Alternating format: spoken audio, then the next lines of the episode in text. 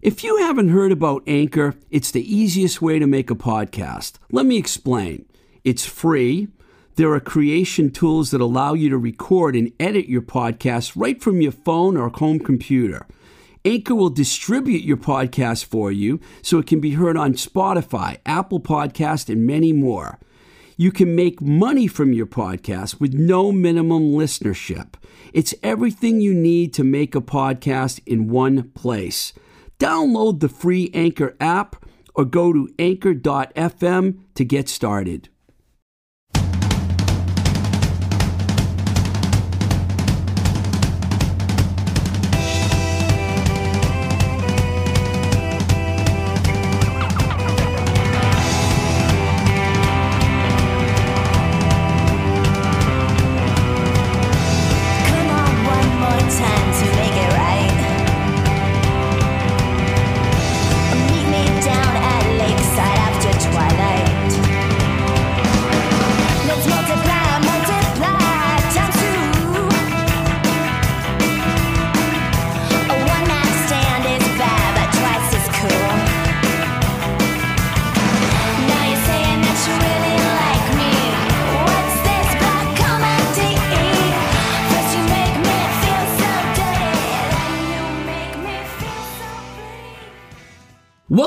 Blowing Smoke with Twisted Rico. I'm your host, Steve Ricardo, and believe it or not, this is episode number 92.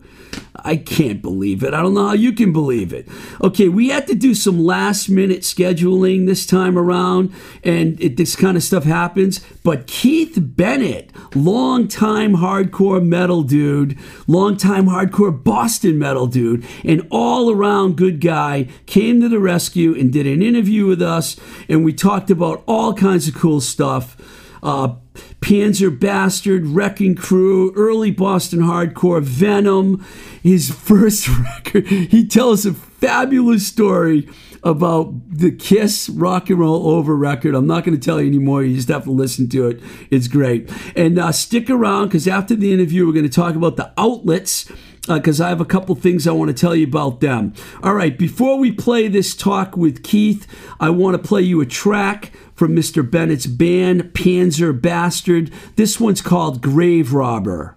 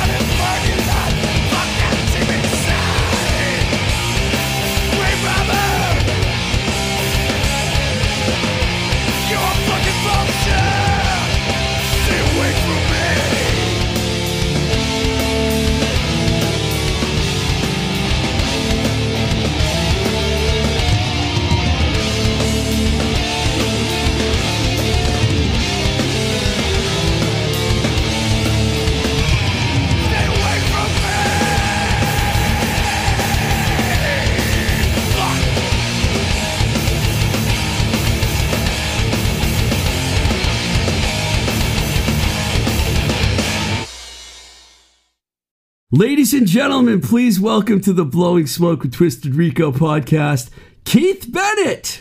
Boo. and the crowd goes Is that a good enough introduction? That's the best I've had in a long time, man. So, how are you, man? I'm good, dude. I'm really good. It's nice to say that and not lie. First of all, I want to thank you for bailing me out because people don't know this, but you're a last minute guest. I got you the day before. I wanted you on the show, but I didn't plan on having you on today. But I had to. Bullshit. Of course I wanted you Always a show. bridesmaid, never a bride. Look at me. It's the story of my life. No, Steve. you know you're busting my Yeah, chops of course right I now. But uh, you did, you did, you're helping me out by coming on, and plus I know we're gonna have a lot of fun here. psyched. and I, and I got so much stuff to talk to you about, so I'm gonna just get right into it. Okay. Did you like grow up in the Boston area, and Yeah. where, and how did you get into music? How did you get it get started? Okay. Um, I grew up uh, right right over the. I grew up on Beacon Street, and uh, In Boston. well, ah, I just a block and a half over the the line, like the right right at St. Mary's T stop. You know when it, you're leaving Kenmore on the Green Line on the Uh-huh. C train, when it comes out, that stop, the first one that comes above ground. That, that was my neighborhood. So you had that right at the T stop was all like uh, Beacon Supermarket, uh, the Granite Five and Ten, Carlton Pharmacy, uh, Colgin Rugs, and then you'd cr- you'd cross um, cross Carlton Street, like that intersection, Carlton and Beacon, and uh, I lived at 1070.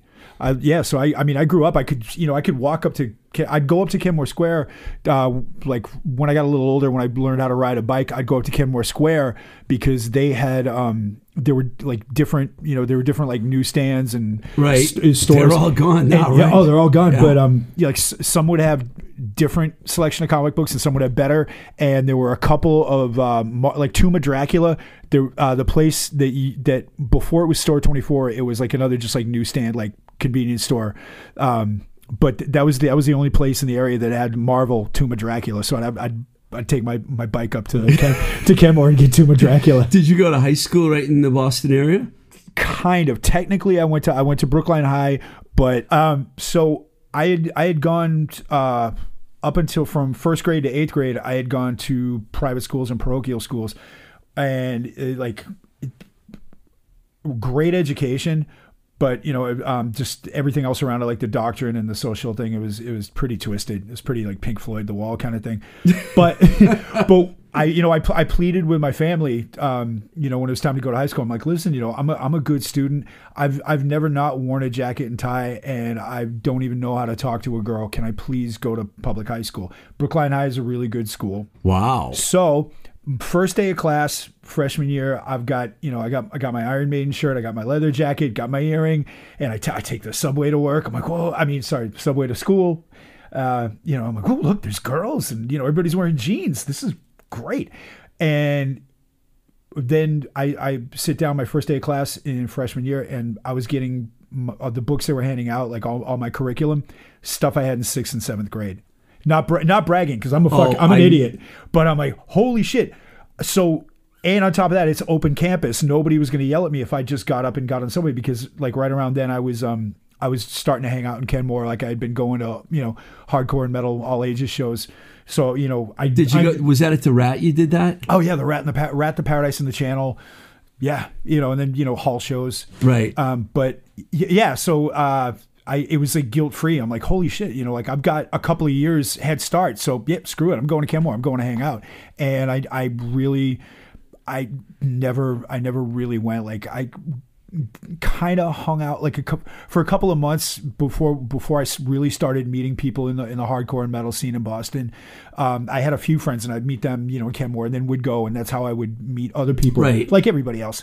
But um, maybe probably till about November, I would I would go. I'd be on the the Brookline High campus, but I wouldn't go to any classes. I'd This is as a freshman? Yeah, yeah, and then but then like I just realized it was like you know I didn't like any of these people. They didn't like me, and I I found my home. I found my family. Do you know? what I mean, it was this whole. Yeah. The, I, I I I found out I got directions to the island of Miss the island of broken toys, and boom, then I, I was just gone. So you didn't finish high school? no.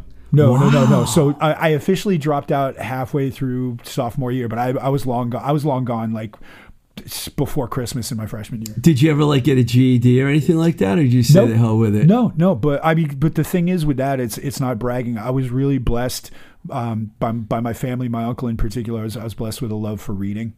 So Oh. I, ju- I just like. I mean, for an idiot, I do like. I do You're like to pretty learn. intelligent learn for someone that doesn't have a high school degree. I have to Yeah, it's like, hey, that, for the guy with the face tattoo and missing teeth, you talk a good game. It's all bullshit. It's all smoke and mirrors, man. Wow. It's this is facade. So, so you mentioned the Iron Maiden T-shirt. So, were you into metal like when you were a kid? Is that Oh, was yeah. your first love? Well, my, I mean, my first love, I think with a lot of, because I'm 51, so I think with a lot of people my age, it was Kiss.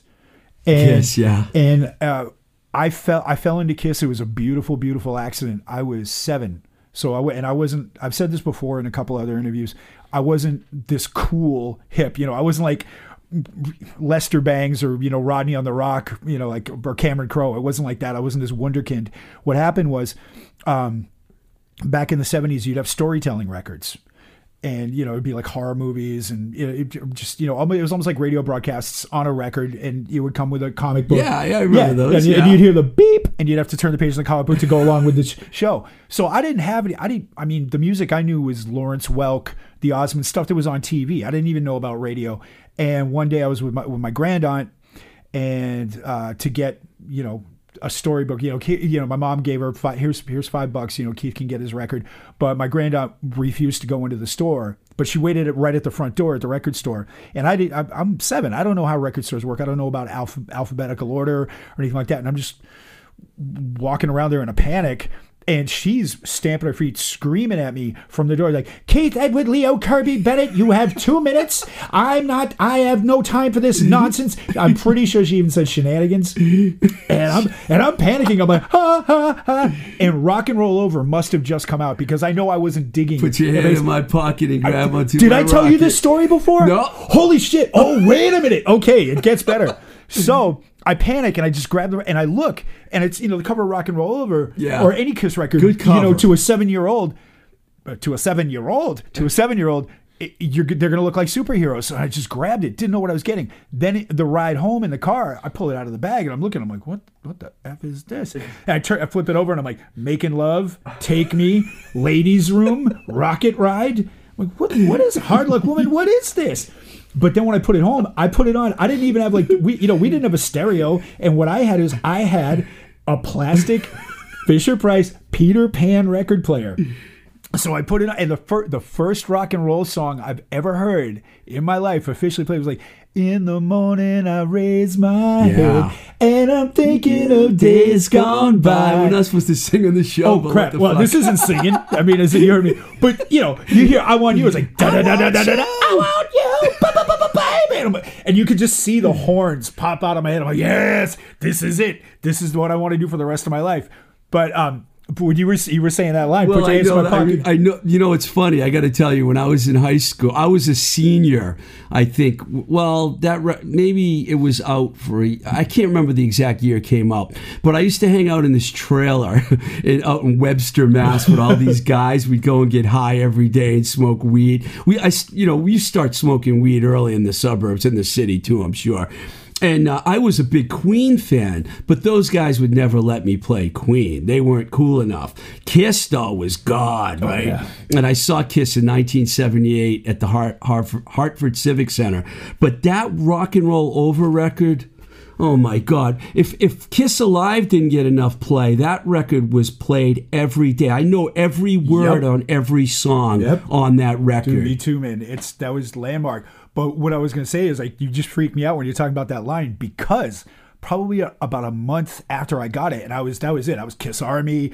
Um, I would sit. I would sit. Army. I would. I would sit in the living room, and I, I would sit on the coffee table and have my have my grandmother's knitting needles, and I'd use the couch as a drum set. So I got I got rock and roll over, the only record I own on the Peter Pan record player, cranked, and I'm just banging away on this. And at the time, it was um my my family was like you know Boston Irish Catholic family. You know everybody lived in the same apartment. My uncle, this is before he got married and moved out. He's well, obviously he hadn't moved out because he lives there.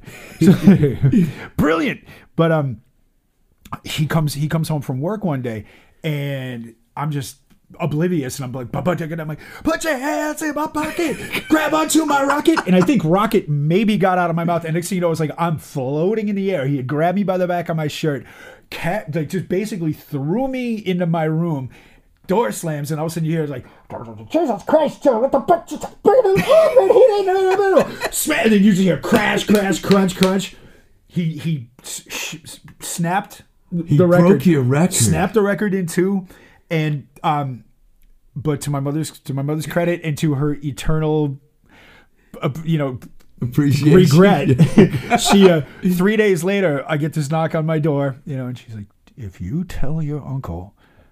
Yeah, I gave you this. I'm selling you to the gypsies. And it was another copy of Rock and Roll Over. So I was, Wow. yeah. Mom, yeah, mom. so point, yeah, points, points to mom. mom. And in my uncle's defense, he is, he's uh, one of the greatest guys in the world. You were man. young though. He was figuring. Yeah, out yeah. I mean, young. yeah, seriously. But, you know, he's, he No one help. usually makes me cry this early into a show. By the way, Oh. that was funny because I had a feeling where you would go. I don't know why, but that that that record. So so Kiss was your first, Oh, and yeah, then what happened after that? Um, Black Sabbath, and it's funny that we're talking today because it's it's Bill Ward's birthday. Bill Ward is oh, 73. love Bill Ward. Oh, fuck yeah. Um, I got a Kiss record once again by mistake because I, I me, me and me and learning things aren't very good. I uh, I thought it was the same deal that I was in the uh, hurry up, get your record and get out of here. Only this time I was looking for a Was this like. Newbury Comics or something? No, or- oh god, no, no, no, no. This was um, this was actually because my grandaunts uh, Esther and Marie, they lived in Scituate. And so, so they'd the Irish Riviera. They'd uh, my my mom in the summertime would ship like I'd spend two weeks down there, and then two weeks up in the city, back and forth, back and forth. It was great. It was a great way to Yeah. like grow up a little kid, like because near the ocean. Oh, dude, it was Yeah. beautiful. it was beautiful. You know what I mean? And it was like, and I was with all the burnout, all the kids down there. Like it was Zeppelin, Rush, Jethro Tull, Yes, Ted Nugent. You know, but it was weird. They all hated Kiss. Like I'd get my ass kicked for liking Kiss. It was really weird with Yeah, Kiss, yeah, man. yeah. People either loved them or hated yeah. them. So there was there was uh, Kiss, which was you know the Kiss Army, and then Aerosmith, and was that was it the Blue Jean Army? That was their, that was their Yeah. crew. Yeah, so all these guys were Blue Jean Army. So they were all older. You know, it was like 16, 17. Some of them had mustaches. You're like, whoa. You know, you know, like the, the, the Levi's jacket with the the the, the, the, the sheepskin collar and the work boots. You're like oh, homemade tattoos. Like they all one day. I remember they they all um, gave themselves uh, with the needle and the Indian. They all gave themselves Blue Öyster Cult tattoos. And I was begging them for one, and they were like, "They're like, you're nine, you know." It's like, it's like we're all wow, criminals. you got a good start, man. Oh yeah, yeah, yeah. But I got um it was the same thing. It was it was the Hanover Mall. I think the place is called Record Town. And, yeah, it sounds was, like one of those chains. and it was yeah. uh, Grand Aunt Esther. She's outside. She's, Kate Edward, Leo Carby, Bennett. Shenanigans, shenanigans was mentioned again. And once again, I panicked. And it was I got we sold our souls for rock and roll because you know Oh, the, yeah. the S on the cover kind of looks like the Kiss S. And with that, I mean, I, I knew it was a band. I knew it was organized. I mean, I had heard of Black Sabbath, but I had never heard them. It was like, oh, this is a, you know, this is like, you know, um, the, the, the head criminal, the head teenage criminal was Bobby Fuller. And I'm like, oh, this is a Bobby Fuller band. I'm like, well, great. Maybe if I, if I have this record now, he won't, he won't beat me up all the time. Wrong. But so it was this, and once again, it was the same thing where you, you know pulling the record out of the bag, going, "What is this?" Because that record, you open it up, and there's the the the, the dead chick in the casket, you know, holding across. I'm like, ah! and I slammed it shut. What's your uncle's terrified. name? No, no, no, no. My uncle, my uncle wasn't wasn't near. I because I knew I knew enough to kind of you know keep that on Stay the away DL. from that, Uncle. Yeah. but then I remember being in my room, and the first so- side one, song one, is Black Sabbath, and I'm sitting there, and it's you know, and I'm already freaked out by the the dead woman It in was the coffin. scary, wasn't it? And then all of a sudden you hear the rain and the tolling bell and the dun and the singing about Satan and. I'm- But I loved it. I loved it because I, I was all about you know, creature double feature, Hammer horror, uh, you know, Tomb of Dracula. You, you know, I mean, I loved, I love scary, That was stuff. the scariest thing. I remember the first time I heard that. The hair stands up on your arms. You're like, oh my God. It's like so freaky. You don't know if these guys are Satan or what the hell they are. and, and and then um, I remember uh, being really um, uh, with the song Iron Man. I'm like. I- I'm like, I'm like, I'm, I'm like, I'm, yeah. I'm, well, that's that's on because we sold our souls. That's the greatest hits record. oh, yeah, yeah. The, okay, So- you're listening to Greatest So Hits, I'm right. hearing Iron Man, and like you know, you, you go through the song, and I'm like kind of like identifying. I'm like, oh, nobody wants him, nobody helps him. Now he has his revenge, and it's like, wait a minute, it's like. Oh, whoa! You because you know when you're a little kid, you just like, oh, you know, everything. There's always happy endings. The good guys always win. You know, it was like, whoa, wait a minute. He he kills everybody. That's his re. Oh, oh, that's that's whoa, that's heavy. Then that was Queen. You were talking about Queen, Queen News of the World. You know, the cover of that. It's like it's the guys in Queen, and they're dead. Like you know, it's like, and I'm like, and I'm looking, I'm like, oh, so it, that must be that must be Black Sabbath's Iron Man killing Queen on the cover. You, you know, and then um, then Deep Purple would burn. When I heard that, from probably from Bobby Fuller, you know, it's it, it you know David Coverdale singing about the witch kills everybody. Also, devil that, hearing that song and it's like you know everybody in the village gets killed. I'm like, whoa, that's heavy. And then he also says "devil's sperm," and I'm like, whoa, that's a twofer. Holy crap! Wow, Yeah, your yeah. teenage years, you make them sound more exciting than than, than possible. That, that wasn't, but Steve. Again, the teenage years were, were a tornado, man. a That I'm not even, man. I wasn't even 11, kid. Was, so, um, wow, I, that's some good stuff right there. Um, when did you actually start playing an instrument? Uh, there- there's a good argument that, Ba- I, that I haven't. That Has I, it always been bass? At the, Um, no, no. It was um when it started. It was uh, once again back in Scituate. Our our neighbors um w- were Portuguese. There's a, there's a huge Portuguese community down there. So it was the Irish Riviera, and then a huge Portuguese community. And our neighbors. Um, now I feel I feel like an asshole because I forget their names. But um, the the patriarch because they they had a clan over there, like a whole a whole whole multi generational thing. It was really cool. They were really beautiful people. Uh, he gave me a mandolin. Oh, his actually his name was Jose, and I'm not even lying. His name was Jose. Uh, gave me a mandolin. I was eight or nine. You know, and I just looked at it as a fat guitar, uh, you know, like a miniature fat guitar. And I just remember, you know, I didn't know how to play. I didn't know anything. And it, I remember it was like, you know, split and cracked. You know, he just gave it because he'd see me, you know, with a tennis racket in the yard, you know, put your hands in my pocket. Grandma was like, oh, let, let the fat little Irish boy take the Jose, give it to him, you know. And it was one of those things. But I remember um, trying to strum it and have it getting a blister the size of a golf ball on, my- on my thumb. I'll never, I don't know why, but I just always remember that. But then I, I realized that I, that's what I wanted to do. Like they, I was being groomed to be a, a hockey player, uh, like a hockey sounds protege. like a normal kid Yeah, growing up yeah. in New England. Yeah, yeah, yeah. It was, you know, it's like the Ir- Ir- Irish Catholic, like you know, road to glory. It's like, hockey It's like and here, all here you do. Here- Here's what you do. You're gonna you're gonna do um you're gonna you're gonna dominate. You're gonna dominate all through all through you know Pee Wee, and then then um. Then we're going to get you into a good school that that starts in seventh grade and goes to twelve, so you can start playing hockey with the big kids. Yeah. at, at, you know, in seventh grade, and then then it's BC, and then BC law, and everything's. He's like, guess what? Wrong, wrong. But but um but the whole time, like while I was, you know, they they were they had their plan, you know, and then I had my plan, and it was, it was like, okay, Terry O'Reilly really really cool. Number He's- 24. oh, I got to Taz, and, and I still love him. He's so cool, but geez, this guy from Kiss breathes fire, spits blood, flies. And you know he sings songs about meeting them in the ladies' room. You know he's Doctor Love. It's like okay, Terry O'Reilly. It's like so so. Terry O'Reilly is cool and he's a hero and he's violent. This guy is cool. He's a hero. He's violent, but he, but he, he's getting laid. But yeah, but he, and it's like it's like Terry O'Reilly can beat up everybody in the world, but you know, you you're a little kid, you think it's like, well, I think the guy who spits blood and breathes fire and flies kind of has an advantage over Terry. No offense, you know. So it was kind of like I'm going, I'm going over here. I took, I took the left hand pass. Good choice. Yeah, yeah, Good choice. yeah. So and then it was, it was, um, I had, I had uh, like a, an acoustic guitar.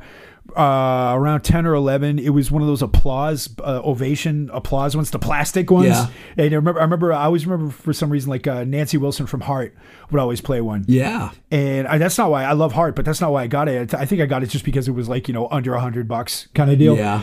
Um, but then when it when I got um when I was twelve, it was a straight I it was a straight up shakedown of my family. They were like, "You got to get confirmed. You got to make your fir- holy confirmation." I was already done. I, I already had my first. I was a Catholic too. I know what you went through. had had my first cut off vest and I was already like you know in it and I was like tell you what I had already put I'm like I had already put 20 bucks down on a, a flying a, it wasn't a Gibson Flying V it was a Cort you know it was like you know entry level you know knockoff thing uh, at a at a place up on uh Comm Ave by our house it was called Z Music Labs it's right it's right up between where where we lived on Beacon and um, up by the old Aerosmith apartment, up by 1325 Comm Ave, and uh, just little little tiny hole in the wall music place. But I would go there, you know, and like I- I'd, I'd give them five bucks. I'd sometimes I'd give them quarters to get the twenty to hold this guitar Layaway. layaway. And uh, then I said, listen, I'll I'll I'll get confirmed if you buy me this guitar. And then after that, it was it was game on. But then I heard Motorhead, and that that was that was it. If you Kiss Kiss had a, a very profound effect on my life, obviously, but nothing nothing can ever ever touch um, the impact that, that Lemmy had. Is Still- that why you still does. started playing the bass? Absolutely. Wow, that's Absolutely. great. No, I mean, Lemmy, Lemmy every everything honestly everything begins and ends in it, for me with, with Lemmy. Like the two people in my life, um, Lemmy comes in second. My uncle comes in first. My uncle is my hero. My two heroes are my uncle Ed Kirby and Lemmy Kilmister, and and they both absolutely shaped my life. Wow, that is that's that's. I'll tell you, we we're not even 14 years old yet, and we already got a whole show here. Your life is fantastic. when did you actually figure out that you wanted to be in a that you could get in a band, and when did you start playing in a band? Uh, fourteen, like right right around like that first couple of months at um. Why why do I think the name of your first band's going to be fantastic? Without you even telling me. I don't know. I don't know. It was um, it, it was uh, it was it was guys guys who actually wanted to. You'll see this recurring theme of people wanting to beat me up through the course of my life. Um, so my first day at Brookline High. Uh, you know, I was saying I had my Iron Maiden shirt and a leather jacket and everything like that. And these older guys, these three older guys, come over to the table. One of them has an Iron Maiden shirt on. They're like, "You like Maiden?" And I'm so dumb. I'm so oblivious. I don't even know about. I'm getting like you know sized up for a beating. I'm like, I love Maiden. so you're into metal? Yeah. What else do you listen to? And you know they're grilling me, and I'm not even trying to like come at them, like like one up them or anything like that. I'm just being myself, and I'm starting. I'm like, oh well, you know, I love uh, uh, Motorhead. Motorhead's my favorite band. Uh, I love Venom, uh, uh, Mercyful Fate, Ex- Exciter, Voivod, uh, Anthrax, Tank, Witchfinder General, Angel Witch, Raven. They had never heard of these bands. They're looking at each other like, huh? You know, they were, they were like, found out they were like Van Halen guys. Like Iron Maiden was the heaviest band they liked. And they're looking, they're like, whoa, whoa what are these? I'm like, yeah. Uh, uh, and they're, and they're just like, oh. Never know. I'm like, yeah, do you, do, you- guys read Kerrang? Do you read Kerrang too? And they're, they're like, what's a Kerrang? Oh, hey, listen, um, after, after school, do you want to come over to my house so we can listen to records? And they're like, uh, yeah, okay. And these guys are going to beat me up. I brought them over to my house and I'm, you know, playing them all like, you know, the, the first Mercyful Fate EP. But then also I was listening just because of growing growing up in Boston, that had such a really strong. Um, it wasn't even crossover then, but just like people were a lot more open minded. You know, and also you know the Boston crew and hardcore was so huge you could you couldn't avoid it. Like if you were into underground music that was there Yeah, I was gonna ask you so about so that like you know I'm like I was I was playing them like SSD and DYS and the Misfits and, the, and they were like why why do you have these records? I'm like what do you mean why do I have these records? These are awesome records. I'm like but they're, they're punk.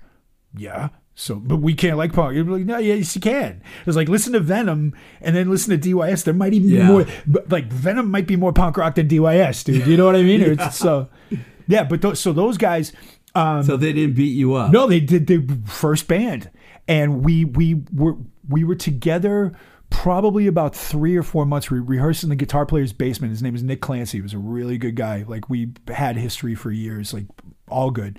Um, but we we uh, had three songs. Train kept it rolling. Then we did. Then it is like just here's a deep cut. We did a Joe Perry project song. We did Buzz Buzz. Wow. Yeah. Mach Bell was on my show a couple times. Dude, I I actually um Yeah. I mean this is years ago when I first like friended him on Facebook and it was because I was like so I'm like hey Mr. you know I'm, I'm, I'm like 12 again I'm like Mr. Bell I don't, oh, cow, Mr. Cowboy I'd just like to tell you it's an honor to make your acquaintance Mr. Cowboy's Mr. better. Cowboy oh Mr. Cowboy but so we did we did uh, the Joe Perry project, Buzz Buzz, Train kept rolling, and then of course we did Ace of Spades. I was like, I'm like, I gotta get one. You guys get one. I gotta get one.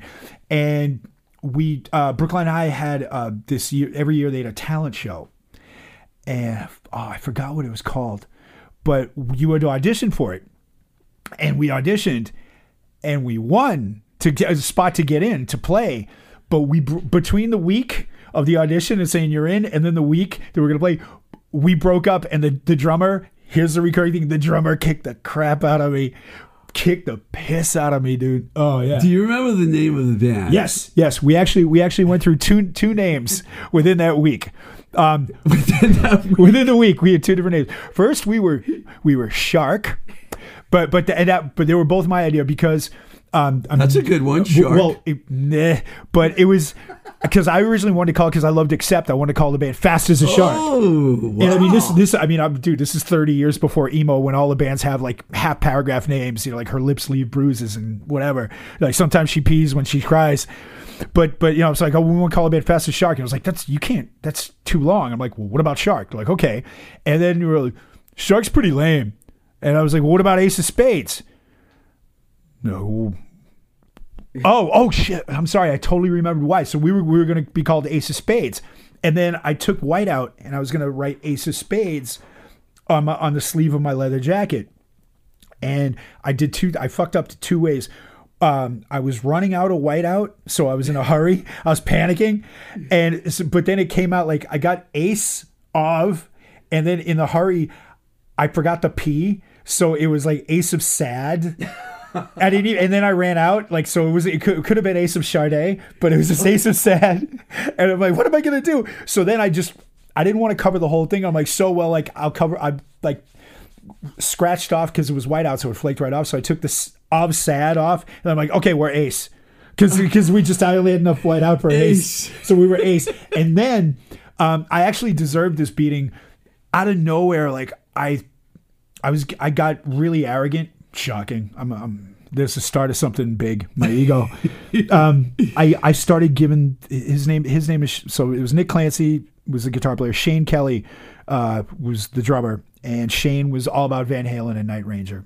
Shoot Pansy, the Karate Kid. Night. Ranger. Had had the drumsticks in, in his pocket like at all times, and I just started like bad mouthing him, shit talking him, like trying to make myself look better. I'm like, oh, he's a poser. Oh, he likes Van Halen, you know, stuff like you know. I'm in, I'm in that like the just starting that like getting that the, the blood was in the water for like underground music, and you know, I'm like I'm listening to Venom and Mercyful Fate. So obviously I'm the Antichrist, and you're you're all you're worthless and weak, you know. And, and you know he hears this. They're like, hey, so what, what's up? Uh, what's up with Keith? What's up with your singer? What do you mean? Oh, he's uh, he's he was just just saw him at Cleveland Circle, and he's calling you a poser and the f bomb and all the other things. Really, really. And I all of a sudden, you know, like maybe the day a day later, you know, I get called. It's like, hello. It's like, no, it's like, honey, honey, it's Shane. I was like, fine, all right. Hey, what's up, Mister Bennett? Look out your window. And I'm like, look out the window. And he's at the payphone across the street. He goes. You got a minute? You got a minute for a poser F bomb? Because apparently you can kick my ass. So I, I let, let's let's make it happen. And I, I'm so terrified because I get caught, and he, there's no way I can win a fight with this guy. And I'm, I, but I'm trying to that bravado. I'm like, it'll be a pleasure. I'll be right down. Like, and I'm going downstairs like, oh, oh, oh, oh, oh. I I didn't even get one in, man. I just I had I had my hand back, and he just freight train rolling, dude. Just ba ba ba ba ba ba ba ba ba ba ba ba. Probably took about ten seconds, and I was boom boom. Pat Travers, boom boom. Out go the lights, man. I was done. Well, you get so many references you're throwing at me. I can't keep. I'm still thinking about King Diamond and Venom over Sorry, there. I mean, it's like, wow. Okay, so did you ap, ap, did you end up getting into a band that was that lasted longer than a week? Yeah. After that, I'm sure Yeah, you did um, that soon was- Um, kind of, kind of. It was uh, probably like 15, 16. The, uh, the like the first first inclination of Wrecking Crew was um, a legendary Boston band, by the way. well, uh, we'll, we shall see. We shall. I'll, I'll, I I leave that to other scholars. I I am I'm not. I'm well, not I mean, one. you guys were part of that whole second wave of hardcore, you know, with, with bands like Slapshot and, you know, 86, 85, 86, you guys came around. A- 80 into 86, 87. And there's some guys in that band that were pretty good players, including you, Oh you know. no, I was I was I was lucky, man. I, I loved I loved. I'm very you know I'm, I'm, I'm I can be self effacing or you know you know t- you know I'm an egomaniac, but I also put myself down a lot. But I'm very proud of that band. I'm very. I mean, yeah, didn't proud uh, um, I forget? I know that whole thing got reissued by somebody. They put a package out. Yeah, Bridge Nine. these- Yeah, yeah, that's a a, good it, it, label. yeah, it came out. It came out great. I mean, that, that was an honor because Bridge Nine has kept Boston. I know I kind of fast forever. forwarded on you. It's okay. but your stories are like It's okay. um, when when you started up with Wrecking Crew, did you guys realize what a powerhouse the band was and how people were going to gravitate towards you? we we didn't know about people gravitating towards, but we we knew we were we, we knew we were good. Who was the original lineup?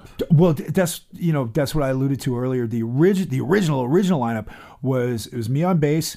Ralph um, was was singing. He didn't. He wasn't playing guitar yet. He played guitar, but he he was singing. And um, uh, Dan Parsono from Winchester was on drums, and he had a he had a buddy uh, named Andreas who played guitar. And we, I think we played three three shows. Um, and I mean, we weren't good. We weren't good, and it was no no offense to anybody in the band. Like it was just you know we we we had songs that we had one riff songs. And like we, I remember one song was like that was the song. We're like, okay, well that's it was like no no no that's a riff. You you need a couple of those, and then you might have a song. It's like uh, uh, I, I don't know. It, it sounds good to me. You know what I mean? So, but um, yeah, that that was that was the original. Then um, then like you know it was uh, what what most people know as like the, the classic lineup uh, of Wrecking Crew. Uh, the, the the first the first inclination of that was all the guy all the guys who were on the the Balance of Terror record, except our our first drummer uh, was uh, Ek, who uh, he's play, he played with the Eels. Um, then he he joined he joined the Straw Dogs. Then he joined Warzone. Yeah. Then he played with Sick of It All. He played with World Is My Fuse. He's no joke. I mean, EK's Yeah. EK's a beast, man. He's Yeah. he's been he's he's still playing, man. He's I, t- I talked to EK.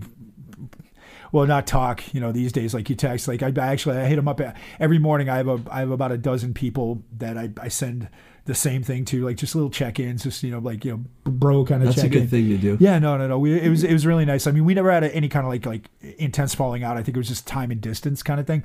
But we reconnected in the last like two years, and it's been it's been a blessing. It's been awesome. Yeah. When you guys got the band going, you got you guys started playing in front of a lot of people. Yeah, yeah. It, it was. It, I think it was. It was a perfect storm of three things. One was our scene, corny, but it's true. Our the scene was exploding.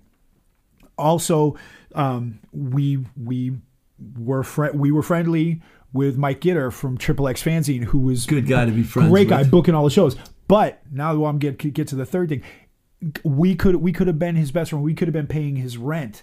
But if we weren't a good band, we wouldn't have gotten we would not have gotten the shows that we did. And I'll stand behind that till the day I die. At the end of the day, we were a damn good band, man. I when we were on when we when we were on on point, I'd I'd put I'd put that band up against any band in Well, if you had Gitter in your corner, I've known Mike for a long time. He he's helped me with a lot of stuff over the years. He's his taste in music is he just knows the difference between good and not good. yeah, So yeah. I mean, but but uh, you know that you know self uh, self I didn't realize that you and Gitter were friends and Oh, stuff. sh- oh yeah, cool. yeah, yeah. I mean, he was. I mean, we. I mean, back then he was like, yeah, we were all super tight because it was all we did. Uh, Like everybody, you know, all the all the guys in Wrecking Crew, Gitter. I mean, there was just like hundreds of kids, and we all basically like you know lived in Kenmore Square, Kenmore Square, and Harvard Square, and then all all the Gots and the Skater kids were in Copley. What bands do you remember playing a lot of shows with at that time? Oh Jesus. Um.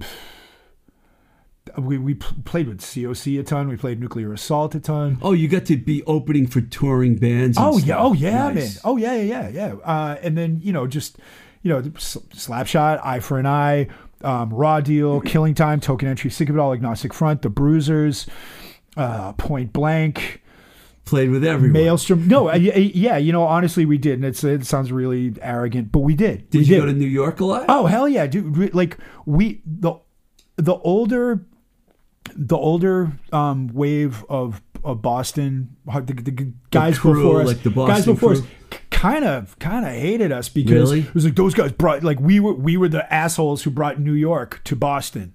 You know, there was a they, there was Oh, Yeah, the beat. They came into the game late. The New York hardcore kids. No, no, no, they didn't. They but they had. To, I mean, I'm not trying to be this historian. I'm just saying it's a fact. Like what happened was the original Boston hardcore bands and the original New York hardcore bands. There was a little schism there. Yeah. We like the we the, like knew we weren't down with anybody. You know, we were the little kids. Like you know, we had the records before we knew these people. Do you know what I mean? So they were you know, they were kind of like our rock stars. Even for a scene that doesn't have rock stars, they were our rock stars. So we didn't we weren't involved in the politics. We didn't know when we didn't know any of the dirt. So, you know, I'm listening to Get It Away, Kids Will Have Their Say, uh, Negative FX, and I'm also listening to Age of Quarrel. Victim in Pain, United Blood. I'm not thinking there's any, Yeah. well, you know, it's like you can't do this, you can't do It's the same thing with like, well, you can't listen to Venom and you can't listen to GBH and you can't listen to Misfits all at the same time. It's like, well, why not? Same thing. But, you know, we, are our, the guys the guys in Wrecking Crew and like you know all our all our peers in that wave of Boston hardcore loved loved New York hardcore. Do you know what I mean? Yeah. So it, there was like a little bit. of Everyone became friendly eventually. we no, I I would like to say that that uh, Wre- Wrecking Crew like we did because we we did we brought. Uh, sick of it all and raw deal and killing time and, and we their first shows out of the tri-state area were with us Really? Yeah, that's fantastic. absolutely i mean it's like and we, we'd go down there and play you know and it's, we always those are those are our, our I used to love the uh, the hardcore matinees at CBGB on Sunday afternoons. Those Yeah. things were like fantastic, man. Oh, yeah. You saw me, you'd see a bunch of bands, and it'd be great every week. And I very rarely saw fights and stuff there. That's what I would like about it. You know, it was kind of cool. I mean, there were. Fights. I was gonna say it's like you just might have been looking right, but I mean, hon- honestly, like I, I really never, never, never saw too much. You know, obviously it existed, you know, but I, I I'm never really. saying I never saw any fights. yeah, no, I, I never, I never saw any of the cra- the crazy shit down there. What I always remember about the New York shows, besides just like you know, you're holy shit, you're playing CBs, and then it was like holy shit, you're playing with all these great bands, and it's like holy shit, you know, we're all fr- you know, not hey, all friends, but like these are our boys. This is great. This is a really good time. Like I also remember that we would just go broke. Um, like blowing money at Bleecker Bob's and like walking up and down, you know, walking up and down St. Mark's. You know, Yeah. I could be broke in a block at St. Mark's, and not even, you know, and this is before I did, you know, drugs or alcohol. I'd just be like, next thing you know, it's like, you know, I'd, I'd have 40 bucks in my pocket at the at the start. You start at Ray's, you get a slice and, and a Royal Crown, and then then you'd be walking down the street. Next thing you know, it's like I got three skull rings, a new Motorhead shirt, and like a bullet belt. And they're like, and then I'd be borrowing three bucks from somebody for another slice. Like, what the? You just had money? What the fuck? Like, no, but look at this. Look, it's look, it's Voivod. It's two. It's double sided. Oh my god. I used to live on uh, 10th Street between First and Second, so I was very close to uh, St. Mark's. I spent a lot of time over there. It's easy to do that. Um, now, I just want to go back for a second Okay. because I wanted to ask you about the original Boston crew and not just the guys that were part of the straight edge scene, but also the Freeze and Gang Green and some of those other bands. Were you influenced by a lot of those bands too? Well, obviously, we're going to talk about the Chris Doherty benefit in a little while. sure. But did you were you on to the Gang Green thing early on, or were you into the straight edge bands? No, no, no. Well, back then, back then, like what what people consider like like the, the, the straight edge bands back back then. And look, I'm not. I'm a, I'm a I'm a generation. A little- after you're a little younger. I know they- you're tho- younger than tho- Al Barile and all those Yeah, guys, dude. So yeah. please, like anybody listening, I'm not trying to act like I was there. I was a contemporary. Like I caught the very tail end, and the t- what I caught of the very tail end, I was in back, and I didn't. I maybe knew two or three people. So I'm A not lot gonna. of those bands became metal around that time. Oh, yeah. dude, that okay. That sucked for two reasons. Number one, because I love the second DIY, uh, DYS record. I think it's a great record. But the thing is, I didn't want them to change. Do you know what I mean? Like that was that Neither was did I. That was the I think I've told of- Dave Smalley Yeah. that too. Like I like like me and a, a couple of my friends, we legit like once again not bragging. This is fact. We were the first metalhead kids at shows. Like we you know we really helped for better or worse usher in that crossover thing here in Boston. But I remember when all the bands started going hard rock and metal, and it, and it's just like you know you'd get you'd feel that heat coming from people. Like you go to shows like it's you, you all you poodlehead assholes. It's your fault. Like no no no no no no no no no no. I don't want them like this. I don't want this. I don't want you know what I mean. Like I didn't. Yeah. I you know I I my SSD is is not breaking up. You know who no no no no no no you know no offense to Al, but nah man no. I mean my my, my SSD is Kids Web is saying get it away. You know, like I didn't, I didn't want him to change. So you knew you knew all the ba- all those bands. I, I knew the I knew the bands, I knew the music. I, Uh, the I music, didn't know. I yeah. Oh yeah. no, Jesus Christ, dude. Those like yeah. yeah, I, lo- I loved I loved that stuff. I mean, I, I remember when buying all that stuff as it came out, um, and buying it from John Anastas. You know, when there was only Yeah. one one Newbury Comics, the, like in the middle of Newbury Street, like above the Mexican restaurant. It was him and Aimee Mann from 'Til Tuesday, and and uh, Tami Heide from BCN. They they were the three people who worked there. Do you know what I mean? It was Yeah. like, I, I, dude, I, I, I remember that. I think I, I think I bought DYS records from the guy in Someti- DYS. Sometimes I forget you're like a few years younger than me and those guys. I'm sorry, man. Don't- I- why? You, look young. sorry, you look young, but I just think that you, to me, you're part of the whole thing. You know, I kind of, as the years go by, you kind of bunt, put, push, push it all. Oh yeah, so the, yeah, know? the cob, the cobwebs I get things blurry, man. It's like it's cheesecloth, cheesecloth for the soul. So um, we before we you were on, I played we played uh, Grave Robber, uh, Panzer Bastard, which I think formed about what 15 years ago. we will be celebrating our 15th anniversary on June 6th. So we officially started on 666. You guys have. you, It makes sense. Yeah. And you guys have a huge catalog, and you've toured a lot. Didn't you go to uh, other countries? Yeah, we've uh, we've we've been to the UK, UK, Ireland, Scotland, and Brazil. Brazil. What was that like? Oh, That was mind blowing, mind blowing because we like you saw everything, like everything you can imagine, like just the the si- the size of the cities was insane. The um the v- wildly veering um levels of um prosperity you know because we post the uh we posted up like the beginning of the tour and the end of the tour uh the the brazilian band that we toured with uh brother band of ours called Whi- uh, whip striker um they lived right in rio and uh, Rio de Janeiro. Rio. Yes, I want to go to Rio. But we're going for a musical theme. 15 minutes from Copacabana Beach. It was a dude, like to see us like these scumbag rock and roll pirates. Uh, like we're on Copacabana Beach, like everybody else is in like thongs, and you know, dude, we're in black stretch jeans and bullet belts and vests, and we're just like, holy fuck, we feel like pirates. We look like pirates. This is great. Let's let's drink out of coconuts and you know bark at the moon. It was amazing. But you'd see you'd see, um, we actually did um, on the same block as as uh, the guy from Whip Striker, his his apartment on the same block. Uh, after the third day of basically stepping over this person, it was like this person's dead. Like this person was wrapped up in a packet. Like, but you would see like it just it, it, so many, so many. Like the population was just like teeming. But then you you would see.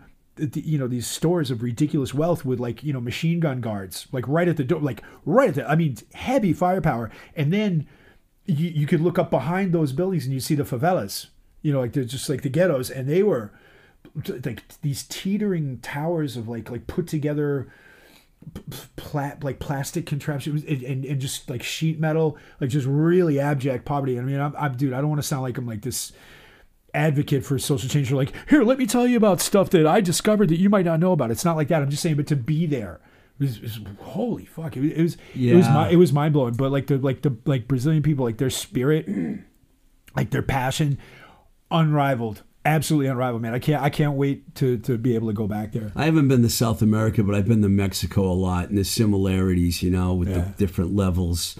You know, the rich and the poor are like pff, people live in shacks and things, but they love the music, man. Um, I know we've been dealing with this pandemic and stuff, but I think I saw on your Instagram page, which is fantastic, by the way. If you want to tell people to follow you, you can. Is it just at Keith? I can't remember what your Instagram. Well, is. I, I do um I do, I do Instagram and I, I do Facebook. I'm pr- I'm more on Facebook. Maybe it's Facebook. I saw. Yeah, well, they're both like fa- Facebook. It's it's just my name Keith Keith Bennett, and it's it's a person you know it's a personal page. It's not like a like a, a fan thing or something like that. Somewhere I saw that pan that the band got together and rehearsed, not the whole band. Have you guys been? You No, guys didn't do a no no no. Um, we've I've I've been doing I've been doing other other stuff. You know, just Oh, so Yeah, you guys haven't got together? I No, don't know no, why. no. We haven't. that. We played our last show December nineteenth of twenty nineteen. You know, like that. We, we it was uh, at, at the. Uh, Do you have plans to do stuff with the yeah. band? Oh, absolutely. Yeah, absolutely. I mean, we have a, we have a whole record um, written. It's not recorded, but it's it's all written. Like, and we have eleven songs, like badass songs, done. You know, and then the world went to shit. So Yeah. yeah, and um, uh, we have one of our guys is up in New Hampshire, uh, and one of our guys is down in Florida at the moment. So we just we just want to wait until things kind of unfuck itself. Hopefully soon. I mean, Uh, hopefully soon. I'm, but you know what? I'm I'm in a rush. I'm not in a rush. sorry, I'm not in a rush whatsoever because I don't want to go through this ever again in my Me life. neither. So, I'm getting my second wait. shot tomorrow, so I'm like, thank you. I mean, I've been waiting, you know, for a while. You know, it's a long month in between shots. Um, I wanted to talk to you about the Chris Doherty benefit because I was living in Pittsburgh when that happened, and I know you were very involved in that. And you played in the All Star band. What was that like for you? Dream. That would that honestly, that was a dream come true. Chris is going to be on the show in a couple of weeks. so Oh, that's I'm awesome. excited to That's have awesome. him. Yeah, you were with uh, the Stilphen brothers and uh, Jr. Jr. JR from Sam drums and um, uh, Rockin' Bob, Bob. Rockin' Bob, and uh, Johnny Yaya. Johnny Yaya was also on. on what were the rehearsals like?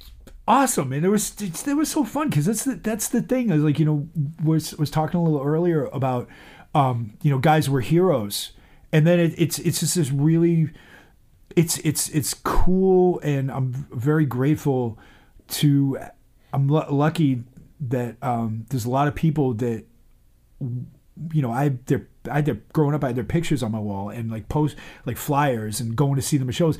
That I'm I'm really honored and privileged to say that they're actually friends of mine. How did you get involved? Did the Stilphen brothers contact you, or JR, or how did that? How did it happen? I honestly forgot, man. I forgot. I really do. you and I, Dave Tree switched off on vocals, right? yeah, he he he killed it, man. He was he was you he was killed so it, man. I saw the video. I, I, I, hey, dude, I, you, that was, that was, you know, you had to step up. You can't let that down. It was like, cause I mean, you know, number one, it, it's, it's for, it's for Doherty, who's a, who's a hero. You're then I'm playing, playing with some heavy hitters who are also heroes. Then all the other bands on the bill are heavy hitters. And it's at the place where I, I grew Yeah. up. You know, like I start, I started going to shows at the Paradise when I was 12, started working there when I was 17. That was that's home. That's like the holy grail. You know what I mean? It was like how you better you better fucking bring beyond an A game. Do you know what I mean? Like that Were was you, you a door guy there? no uh no, no, no, no, no. I when I started I I was just I got the job just by default. Um because I would always be uh, I'd be the first kid in line. Like I'd, I'd be out at the I'd be out front for like the matinee shows. I'd be out there at noon, for real. Like and then like even at the nighttime the nighttime all ages shows like I'd still be there at noon because like I want to be I want to be front center front row center so I could headbang. And then you know you'd get to know the the guys who work the parents because you know they'd be coming, you know, coming into work at like three o'clock in the afternoon. They'd be like, "Ah, you again? I knew I'd see you. I, I said it was one of these shithead Might metal. well give 'em a job. It's like what? you- No, for real. Because like what would happen is you know I'm sure these guys, especially at the matinee shows, they'd be hung over from the night before. Maybe they hadn't even slept, and you know they'd be like, be like, "Hey, do you, do, do you need a hand?" Like, yeah, all right, kid, sure, come on. And I just start, I just start like you know helping out just to get in for free, and then uh, one day I was doing it, and uh, D- Jess Ford, uh, who is one of the managers at the time, uh, he. I, I forget exactly what he said to me, but he was talking to me like not in a bad way. He wasn't like you know ordering me around, but he he had assumed I had already worked there, and he was like, "Hey, can you? Oh no, I know." He was like, "Hey, uh, Keith, when you get done with that, can you go to the walk-in because because they uh, t- uh, set up the dressing room?" And I was like, "I I I don't. What do you, what do you, what are you talking about?" He's like, he's like, "Don't you work here, right?" and I was like, "No." He's, he's like. You do now. He- no, he was straight up. He's like, he's like, you want a job? I'm like, yeah. He goes, okay, cool. When you get when after sound check, come come up to the office and we'll we'll, we'll sort you out. And I'm like, okay. And then we get up there, and, and then you know I fill out the paperwork, hand it over to him, and he goes, so. uh yeah, you, you made a couple of mistakes on the on the on the uh, the application. I'm like, what? And he goes, you're 18. No, I'm not. I'm not. He's like, you're 18.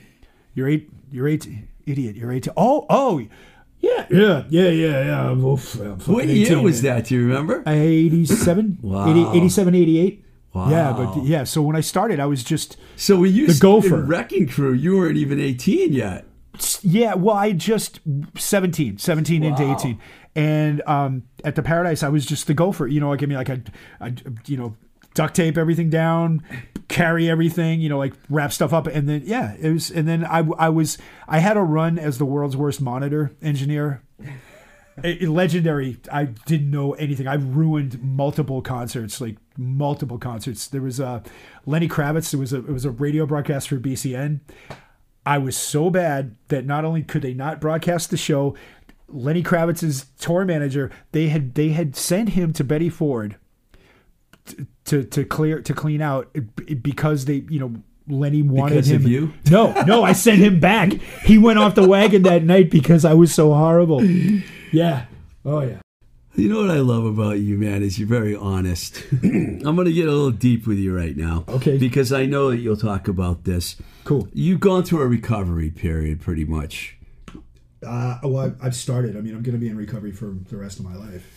How long ago did you start? When did you realize it was time to change what was going on in your life? Well, I, I knew for a long time, but last last October is when. Um, During the pandemic. yeah, yeah. Yep. Rough time. I was, I, dude. I'm not special. It was rough for everybody. You know, I'm not, I'm, I'm not better than because because that it just that was just perfect timing, perfect timing to to you know the world's going to shit. Why don't you go with it? So When I saw you walking down the alley, I was thinking, dude looks healthy as hell, man. so oh. you feel real good right now. I, I do I do I'm, I'm I'm I got a second chance, man. You know, so I yeah I just yeah. What can you say to some of the people out there? Because we all know about addiction and stuff. I mean, what can you say to the people out there that are thinking about making these changes and they're having a hard time doing it? Well, Jesus. Um, number one, I completely understand. I, I do get it. You know, when when you when you, you hear it's it's hard to hear when you're when you're in it. You know. Um, By the way, I asked you if we could talk. Oh, yeah, no, no, no, before no, you no, came in. I don't want people out there to think like, why would he ask that question? No, no, no, no, no, no. For anybody who's listening, me and me and Steve are family. We go we go back decades and decades. And even if you weren't, even if I just met you, man, it's like it's it's my responsibility. important to talk it's my, yeah, about it's, it's this. responsibility. You, you have you have to share. You have to share. I told you, and I'm not afraid to tell anybody. I my drinking got way out of hand during the pandemic, and I, I it's been two months since I had a drink because I was just going overboard. You know, I just couldn't. And it, it- I'm not going to blame everything on the pandemic because you have stuff inside of you. You know, of course. That's why I feel like it would be good for you to talk a little about that. you know, Yeah, gladly, man, gladly. Um, yeah, it's it's hard. Like I was saying, it's hard to hear when when you're in your your your hell. That's that's dramatic, but it's true. It's it's hard to hear somebody be like, "I know how you feel," because you straight up think you're like you, you're unique in your suffering. Um, but it, it is it is true. It's just um, it, it's terrifying. It's it's terrifying to admit. It's terrifying to take those first steps. But one thing I, I do I can say I can absolutely say with 100% confidence is if you do it, there are amazing people who actually they care. You know, you might not care whether you live or die, but there are people out there who absolutely care about you and they want you to survive and they want you to have a, the, the life that you deserve. They want you to have a really good life. It's and it's it's it's doable. Yeah, I fuck that sounds stupid. It's not it's not it's not doable. I'm just saying it's it's not impossible. How about that? It's not impossible. Well, It's- I'm happy for you, man. Thank you, bro. And uh, I really appreciate you coming down here, man, and, and being on the show. And I wish you the best of luck. I know that you're going to be out there rocking and doing your thing, man. I, I, just- yeah, I mean, I just, I just want to play. I just want, you know, that, that's this, this is what I do. I, you know, I do, I'm a one trick pony, man. And it's, it's my, my trick is to fool people into thinking I know what I'm doing musically. And I, I just, I just want to play. I want to play with my, my band. I want to, I, you know, I want to get loud for people, you know, I miss it. Ladies and gentlemen, Keith Bennett, thank you very much for coming on the show, man. Thank you, brother. All righty.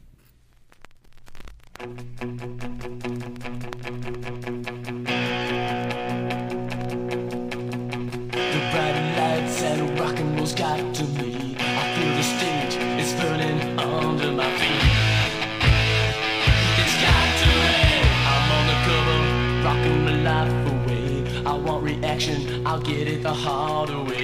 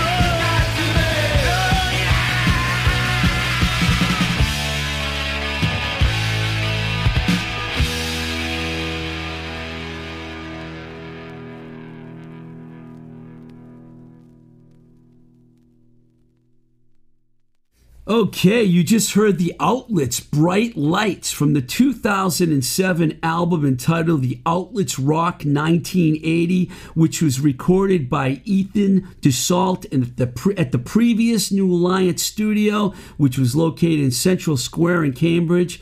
I do kind of miss that place. They called it the EMF building. It was a cool hangout, but we're in a cool hangout right here where the new studio's located. So um, this um, this great record is interesting because when they decided to get together and do it with the original lineup, they recreated their old set list from the early '80s, and um, that track right there was originally a single and they re-recorded and i think they did a great job on it. The reason i played that is is a lot of people ask me about the outlets. You know now i've worked with many great bands over the years that i've told you guys about and there's always the ones that people come up to me and they want to know things about like poison and the neighborhoods and the great kat and ronnie montrose and the charms who you hear every week doing the theme song on this show and you know, I even get questions like, "Oh, so you worked for Michael Douglas? What was that like?" You know, and you know, they want to hear stories about Giant Records and Roadrunner, and they want to hear what happened between the Charms and Little Steven. You know, they want to hear these things. So I'm not afraid to like talk to you about talk to you about things like this. Transparency is something you're you're always going to get here, and um, you know, of course living back here in the Boston area now, where where fans around here like really know their history of Boston rock, always want to ask me about the out. They always ask me about the out- outlets and why the band wasn't huge. Uh, they were so great live. People want to know why didn't it always translate, you know, to record. You know, the whole New World record, for example. It's it, it's not the same level of energy. It actually did reach that level though on the Outlets Rock 1980 album, which we just played you the song Bright Lights from. They finally got it right after mul- multiple attempts. And don't get me wrong, Dave and Rick Barton will always be guys I love and respect. I've given David an open invitation to come on the show, but for some reason he doesn't like to do interviews, and I respect that. And there's nothing, you know, nothing bad I can say about that. If he doesn't want to do an interview, he doesn't. Same with Rick. Anytime Rick wants to come on this show, he's invited. But honestly, I'm not uh, sure they can answer this question that's being presented to me, and I don't think they lose a lot of sleep thinking about it. It's a funny business, this music thing. I've seen bands with half as much talent sell a million records. It's all about timing, it's all about being in the right place at the right time, knowing the right people. To me, the outlets, you know, are always going to be a band that's going to be entrenched in the history of Boston rock. They're one of the great Boston rock bands you know they they're part of the original like huge scene that happened which i like to say was from 75 to 85 you know? And it's like you can't disregard anything that you can hear. It's like this you know you're going to find so much great music that matters from that era and the outlets are right up there. Um, and you know they rocked out on that record just like it was 1980 and um, couple people have asked me about the outlets lately, so I figured I would just talk about them for a minute. All right, let's give a shout out to Baby Loves Tacos in Pittsburgh, Isidore's in Oxford, the Record Archive in Rochester, New York, the Diesel Cafe in Davis Square, Somerville, My Virtual Gal, Tang Records in San Diego, the Moonbeam Cafe in Oakmont, PA. Hi, Nina. the sponsor of this show, of course, Notch Brewing in Salem, Mass. And like I mentioned at the beginning of the show, they have a new venue popping up in Brighton very soon. They're going to have a live performance and music space there, so that's going to be really exciting. And also, all the other mom and pops and independent stores out there, keep on supporting them, man. They're the ones that make the world go round. Speaking of support, if you want to support this podcast, we're on Patreon, patreon.com forward slash twisted rico. By the way, you can also hear me on another podcast or two. One's called Seems to Me. It's with my good friend, my witty and lovely friend, Sibylline Seriano. And soon you'll be hearing another podcast called We're Coming for Your Band that I've already recorded two shows with Duncan, Duncan Wilder Johnson, who's been on this podcast a few times. So stay tuned. I want to thank Nick Z here at New Alliance East in Somerville for doing a great job once again. Until the next time we say goodbye, keep the rock and roll alive. We love you, Busy Phillips.